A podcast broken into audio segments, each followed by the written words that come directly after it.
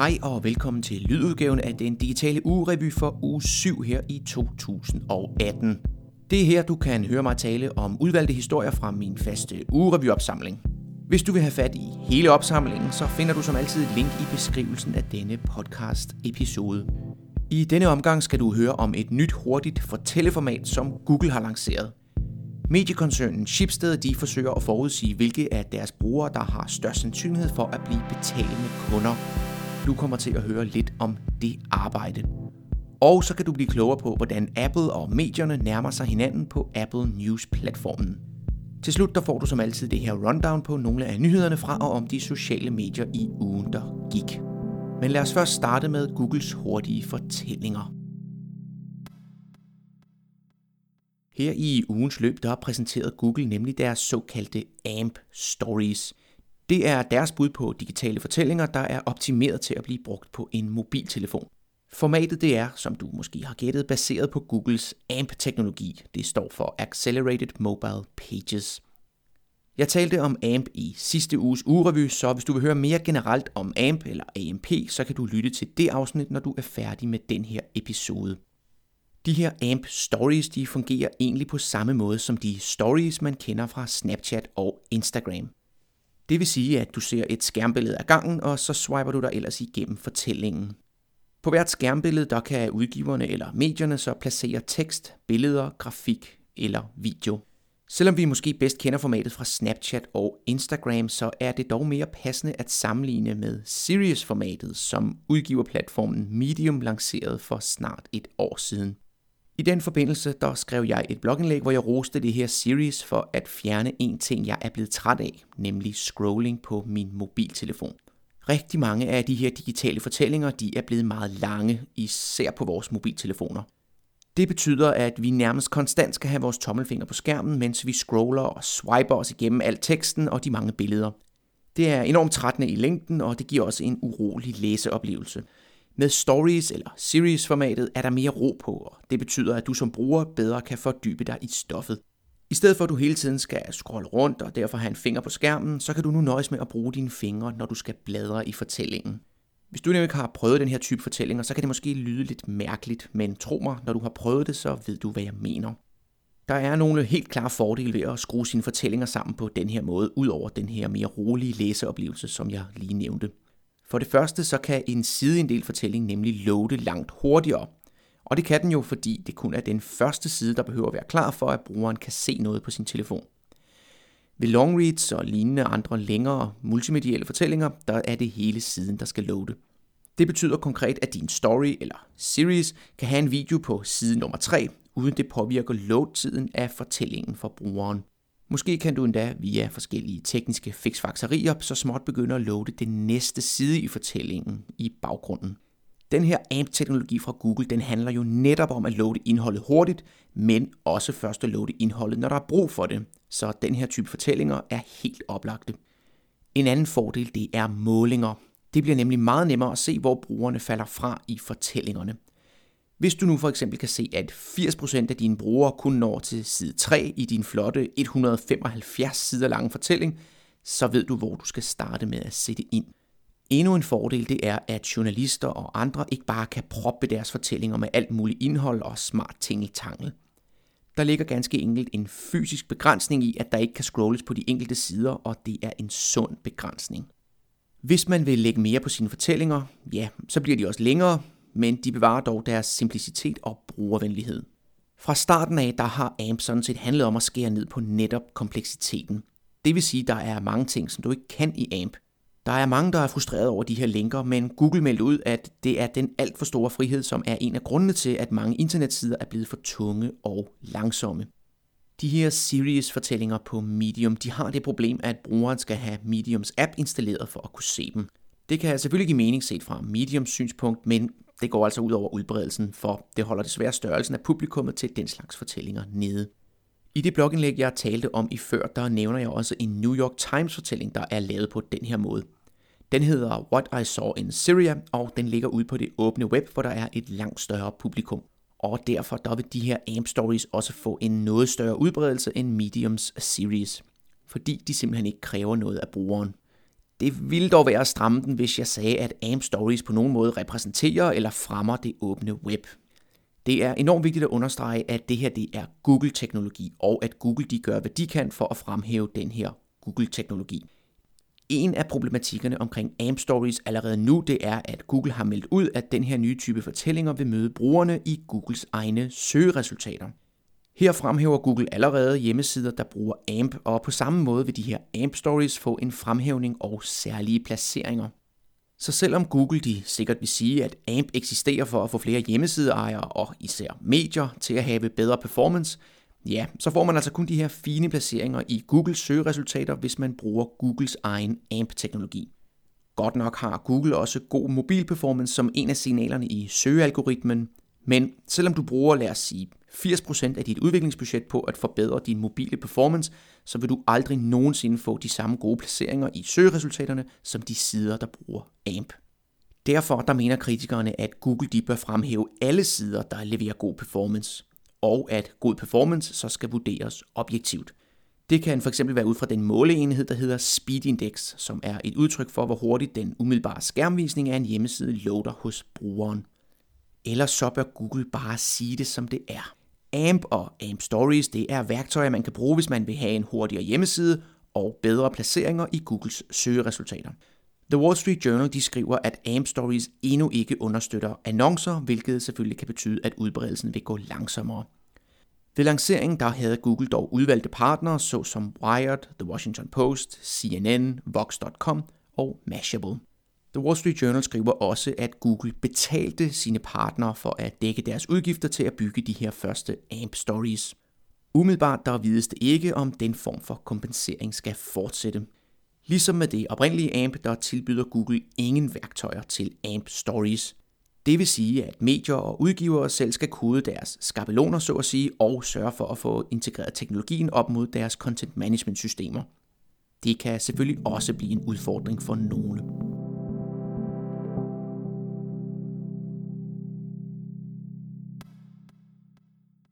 I takt med, at flere og flere medier og udgiver bliver nødt til at tjene penge på at gøre deres brugere til abonnenter, så bliver det også nødvendigt at vide, hvordan man konverterer folk fra det ene til det andet. Det arbejde det kan jo passende starte ved, at man forsøger at forudsige, hvilke brugere, der har størst sandsynlighed for at hive pengepunkten frem og blive betalende kunder eller abonnenter. Og det er præcis, hvad den norske mediekoncern Schibsted gør, og i ugens løb der udgav Nieman Lab en artikel om det arbejde. Siden sidste år der har Schibsted trænet og brugt en algoritme på udgivelserne Aftenposten, Bergens Tidene, Stavanger Aftenbladet og Fæderlandsvinden. Træningen den er foregået ved, at de har fodret algoritmen med data fra folk, der startede som brugere, men valgte at betale for at få adgang til digitalt indhold.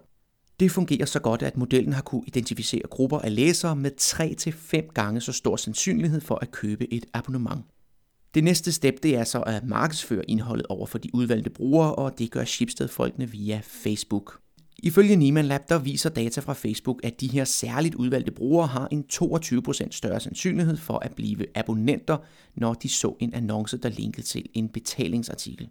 Samtidig så bruger marketingafdelingerne i de her medier i gennemsnit 35% mindre på Facebook-annoncering for at nå de udvalgte brugere. Den her algoritme, der altså finder de brugere med størst sandsynlighed for at blive til kunder, den kigger på 10-15 forskellige signaler. Det drejer sig blandt andet om, hvor hyppigt folk kommer på besøg, og selvfølgelig antallet af artikler, de klikker sig ind på. I starten der baserede Shipstead-folkene algoritmen på data fra fire uger, men de gik siden ned til to uger. Det gjorde de, fordi de fandt ud af, at den sidste uges data faktisk indeholdt de stærkeste signaler, og det lyder jo egentlig logisk, at vores seneste eller nyeste adfærd er den, der siger mest om, hvad vores kommende adfærd kan være. I januar måned der skrev Nieman Lab om The New Yorker, der havde hyret en chef for deres nyhedsbreve. Det gjorde de, fordi at de kunne se i deres data, at den allervigtigste indikator for, om en person vil blive betalende abonnent, det er, om vedkommende abonnerer på et nyhedsbrev. Det vil sige, at hvis de kan få folk til at abonnere på et nyhedsbrev fra The New Yorker, så øger det sandsynligheden for, at vedkommende også bliver en kunde senere hen. Overfor Nieman Lab der understreger Schibsted-folkene værdien i, at medier selv får indsamlet data, som de kan arbejde ovenpå. Det er jo altid vigtigt, men det er det især i den her tid, hvor mange medier de har hyret teknologifirmaer ind til at samle data på brugerne, som medierne så paradoxalt nok skal betale for at få adgang til.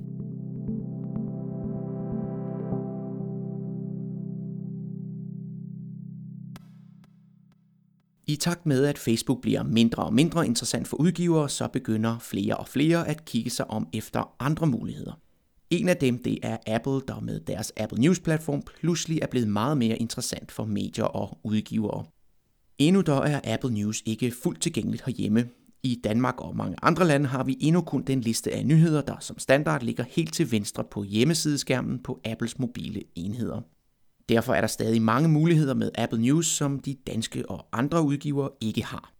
I ugens løb der udgav det amerikanske teknologimagasin The Information, som jeg i øvrigt kan varmt anbefale, en interessant artikel om, hvordan holdet bag Apple News de arbejder. Det foregår blandt andet ved, at forskellige redaktører på medierne deltager i en kanal i samarbejdsværktøjet Slack. Her der kan de så pitche historier ind til Apple News-holdet, der ifølge The Information består af 12 medarbejdere, der er tidligere journalister. Det her Apple News-hold de vælger så, om en historie skal fremhæves i Apple News på den ene eller anden måde.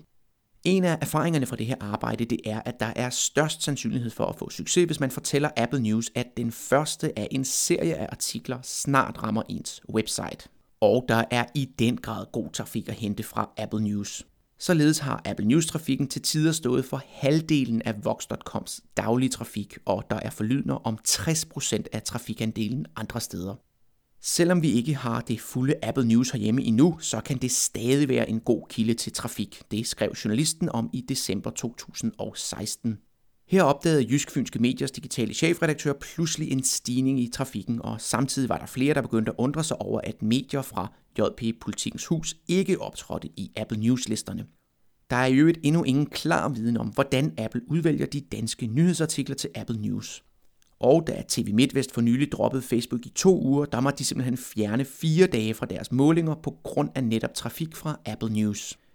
En ting det er dog at hente masser af trafik fra steder som Apple News. Det er der som sådan ikke noget nyt i. Fortællingen har samtidig også været, at det er enormt svært at kapitalisere, altså tjene penge på trafikken fra Apple News. Og her er der desværre heller ikke det store nyt. Det skyldes ifølge The Information blandt andet, at Apple ikke bruger Googles dobbeltklik, der er noget nær industristandard til at sælge annoncer på historierne.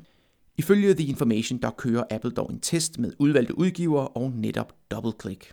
Til gengæld der kan medierne hente abonnenter via Apple News. Eksempelvis får The Washington Post flere hundrede nye abonnenter hver dag via Apple News. Her kan de købe abonnementer med en mindre rabat, og ja, Apple tager så selvfølgelig deres faste 30% cut af hver eneste abonnement, der bliver solgt.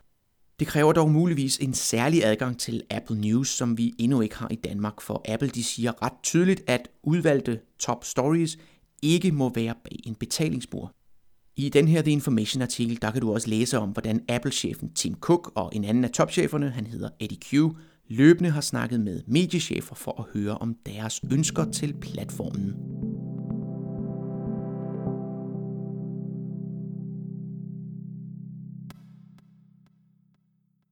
Inden jeg siger tak for denne gang, der skal vi lige omkring nogle af de vigtigste historier fra og om de sociale platforme. I det seneste nummer, der kører teknologimagasinet Wired en forside med et billede af en noget forslået Mark Zuckerberg, som du måske har set.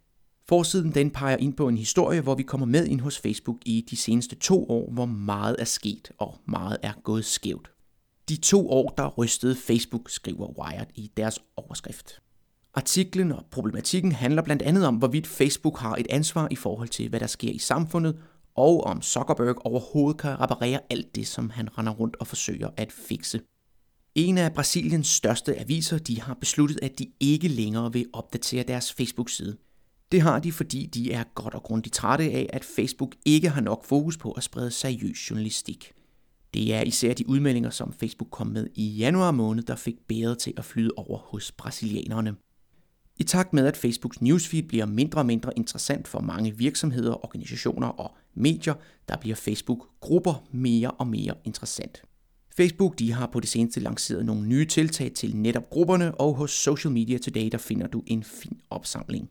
Du kan blandt andet vælge en farve, så dine medlemmer får en mere sammenhængende oplevelse rundt i gruppens indhold, og så kan du nu pinde en række opdateringer, så de forbliver øverst.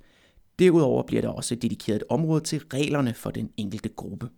Dashbot, der er et chatbot-firma, de har skrevet en artikel hos VentureBeat, hvor de giver lidt statistik på brugen af deres chatbots i forbindelse med Valentine's Day.